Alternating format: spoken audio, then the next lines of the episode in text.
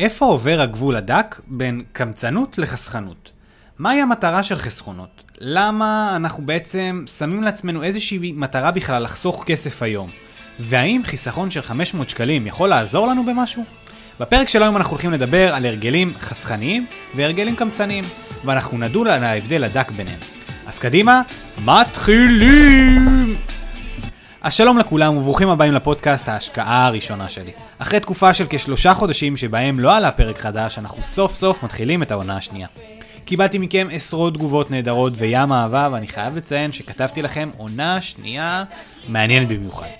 אנחנו הולכים לדבר על נושאים שיעזרו לכם לצבור מוטיבציה, לתכנן ולבדוק את ההשקעות הבאות שלכם, נושאים כגון משכנתאות והלוואות, ניהול כספים מול הבנקים שלכם, אנחנו נבנה ביחד תוכניות אסטרטגיות, נדבר על פתיחה של תיק מסחר עצמאי, ועל מכשירים פיננסיים שונים כמו הפנסיות, הגמל, ההשתלמות שלכם, נדבר על הסיבולת שלכם, על האמונות שלכם בעצמכם, ועוד המון נושאים פיננסיים סופר מעניינים. חשוב לי לציין שכל פרק הזה הולך לעלות לכם ביום שישי בשעה 10 בבוקר, שתוכלו להאזין אליו בדרך לים, בדרך לארוחת צהריים, או ככה סתם כשאתם זרוקים בסלון. הפרומו לכל אחד מהפרקים האלה יעלה לכם לאינסטגרם שלי כבר בכל יום חמישי כסרטון רילס, שבו אתם תוכלו אה, לדעת מה הולך לחכות לכם.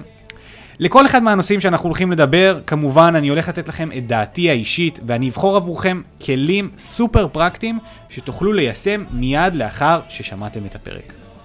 אז יאללה חברים, חבל על הזמן שלנו, אני חושב שזו הייתה ההקדמה הארוכה ביותר שעשיתי, אבל אין מה לעשות, התחלנו את העונה השנייה של ההשקעה הראשונה שלי, מתחילים. אז לכל מי שהגיע לכאן במקרה ועדיין לא מכיר אותי, לי קוראים גלעד קליין, יוצר הפודקאסט הזה שאתם מאזינים לו עכשיו, בעל חברת ייעוץ פיננסי לזוגות צעירים שרוצים חיים מאושרים יותר, בעין אבל גם באלף. בקרוב אני הולך להיות רואה חשבון ואני משקיע פסיבי במשפ... במספר השקעות בארץ ובעולם. בפרק של היום אנחנו הולכים לדבר על אנשים קמצנים. חשוב לי לשים בפניכם את הגבול הדק שעובר בין אדם קמצן מגעיל לבין בן אדם שהוא חסכן וחושב על העתיד שלו. ההגדרה לאדם קמצן מבחינתי, היא אדם שיש לו פחד מסוים להוציא כספים. עד כדי כך שהוא מוותר על הצרכים וההנאות הבסיסיות האישיות שלו ושל הסובבים אותו. לפני שנתחיל אה, לתת כל מיני דוגמאות, אני מבקש מכל הקמצנים ששומעים את הפודקאסט הזה, אל תיעלבו, אל תיקחו את זה אישית. התנהגויות כאלו ניתנות לשינוי, והחלק הראשון בהתקדמות שלכם, היא קודם כל להבין שאתם קמצנים. במרבית המקרים, אנשים שהם קמצנים יאהבו להגדיר את עצמם אנשים חסכנים. אבל אדם שהוא חסכן זו דוגמה מובהקת להגדרה שנקבעת על ידי הסביבה שלכם. כי בן אדם שמגיע מרמה סוציו-אקונומית נמוכה והוא מסתובב עם אנשים שיש להם הרבה מאוד כסף, מבחינתם הוא קמצן כמעט בכל פרמטר. ואני אשתדל לדייק את ההגדרות שלי, אבל שימו לב, ההגדרה שלי לקמצן יכולה להיות שונה מההגדרות שלכם לקמצן, וזה בסדר גמור. בניגוד לאדם קמצן אשר מונע בעיקר מרגש לכסף, אדם חסכן פועל בצורה חסכנית ומוס... ומושכלת. כי הוא רוצה בעתיד לחיות ברווחה כלכלית גדולה יותר. למה אני מתכוון? אדם חסכן חושב לעצמו, אוקיי, היום אני אשים כמה שקלים בצד כדי שבעוד כמה שנים, הכמה שקלים האלה יפנקו אותי בכל מיני הנאות כפולות ומכופלות. אדם קמצן הוא פשוט קמצן. הוא לא רוצה להוציא את הכסף, הוא מסתיר אותו בצד כדי שיישאר לו יותר, אין לו באמת מטרה אמיתית לכסף. הדוגמה הכי טובה לבן אדם קמצן, הוא אותו תלמיד בבית ספר שבטיול השנתי פותח לעצמו בשקט את החבילת טאפו צ'יפס הזאת, וכשכולם עושים פתיחה חברית לבמבה, הוא בא אה, מקופל כזה בין הרגליים, משאיר את השקית הזאת אצלו, ומוציא כזה מדי פעם אחד לנשנש. ואז אתם מגיעים אליו, מציעים לו מהבמבה שלכם, כמובן שהוא לוקח, וכשאתם מבקשים צ'יפס אחד, לא, לא, אין לי הרבה. או התירוץ היותר מעצבן, אני שומר את זה לאחר כך. אך, איזה, איזה ימים היו בטיולים שנתיים. קיצור, פתחתי בדוגמה לקמצן, אבל בואו ניתן רגע דוגמה גם לבן אדם חסכן. אדם חסכן בעולם המודרני הוא בן אדם שמבצע הרבה מאוד השוואות מחיר. בואו ניקח דוגמה, למשל טיסות לחו"ל. כולנו יודעים שיש תאריכים שהם יקרים יותר, למשל בחופשת הקיץ, אה, וכולנו מבינים שלטוס אל על לרוב יוצא יקר יותר מאשר לטוס בחברת לואו-קוסט כמו איירוויז. אדם חסכן יבצע השוואת מחירים בכל מיני תאריכים, בטיסות, הוא ישאל את עצמו את השאלה האם מזוודה אחת מספיקה לי, אולי אני יכול לקחת טרולי במקום ולעלות איתה למטוס. השוואת מחירים כזאת לרוב נובעת מהסיבה שהחסכן מבין שעליו להוציא כסף, אבל ייתכן שאם הוא ישלם פחות על מחיר הטיסה, פחות על המזוודה, או יטוס בשעה מאוחרת יותר, הוא יוכל להרוויח יותר בטיול, להרוויח יותר במסעדות, יותר אה, להשקיע בבית מלון מפנק יותר.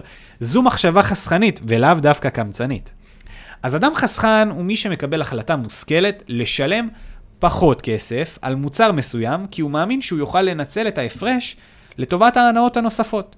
לעומת זאת, אדם קמצן פשוט כואב לו להוציא את הכסף גם כשמדובר בהנאות האישיות שלו, כי הוא פשוט סתם בונקר.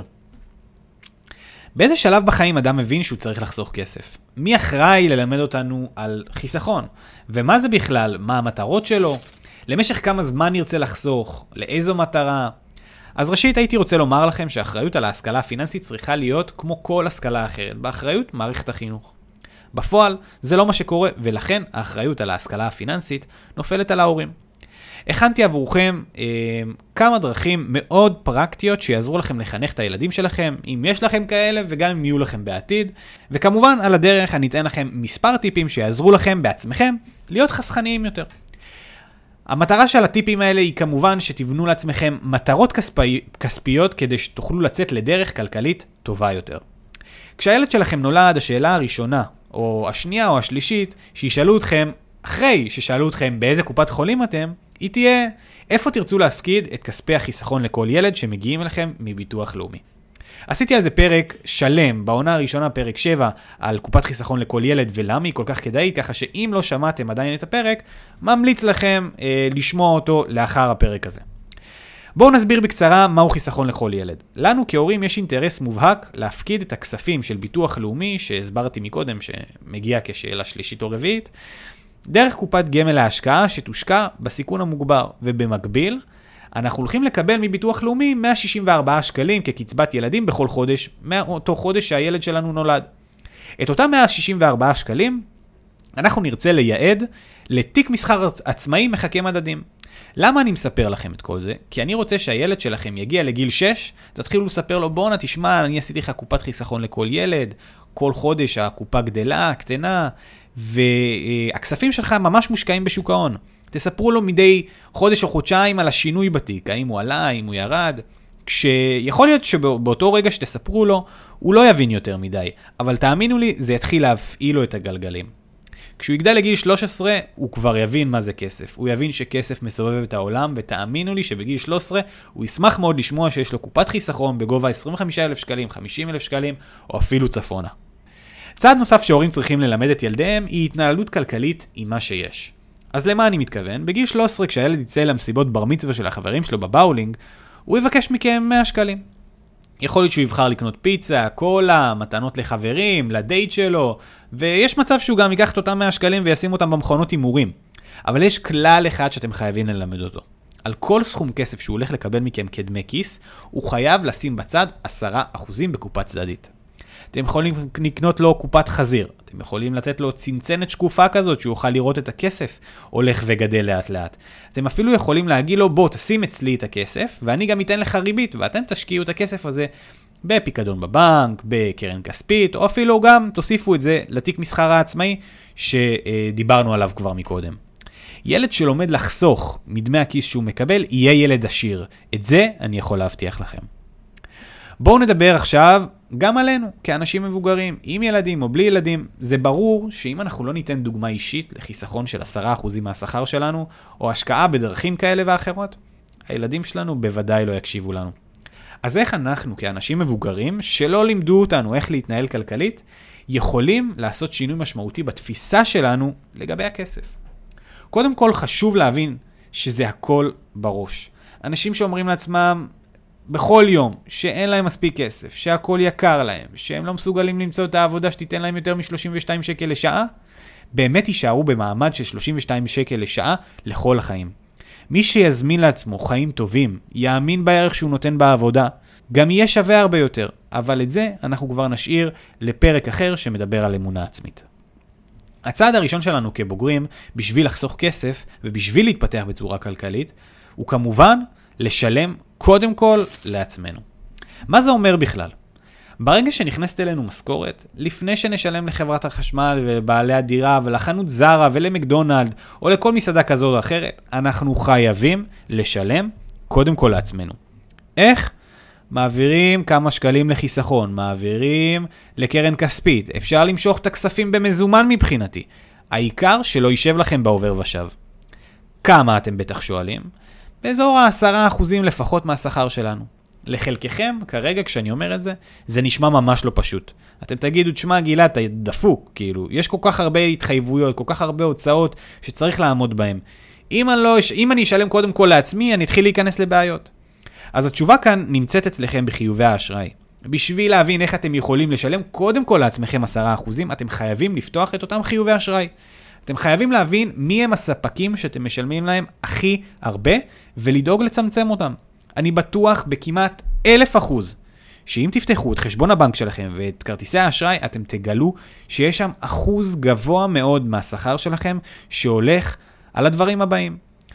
אוכל בחוץ, אה, ביגוד, אה, פנאי ובילוי עם חברים, וברגע שתבינו שאתם יכולים וצריכים לצמצם באותן הוצאות, אתם תשימו לב ש-10% מהשכר שלכם זה אפשרי מאוד לשים בצד. אבל אני רוצה להגיד לכם עוד משהו. גם אם תשימו 300 שקלים בצד או 500 שקלים בצד, זה גם בסדר בתור התחלה. אז אתם בטח מצחקקים ושואלים את עצמכם, מה יעזור לי לשים 500 שקלים? מה הבן אדם רוצה ממני? אז חבר'ה, זה יעזור, כי ככה מתחילים. 500 שקלים בכל חודש מסתכמים ל-6,000 שקלים בשנה. שאותם 6,000 שקלים לא היו קיימים לכם אם לא הייתם פשוט שמים אותם בצד. במקום זה הם היו נשרפים לכם בקלילות על המבורגר וצ'יפס זול. אז עדיף שתחסכו כמה שיותר בגיל צעיר, מאשר שתיזכרו בגיל 45 עם שלושה ילדים וכלב, ותגררו עם עצמכם בורות כלכליים שקשה מאוד לצאת מהם.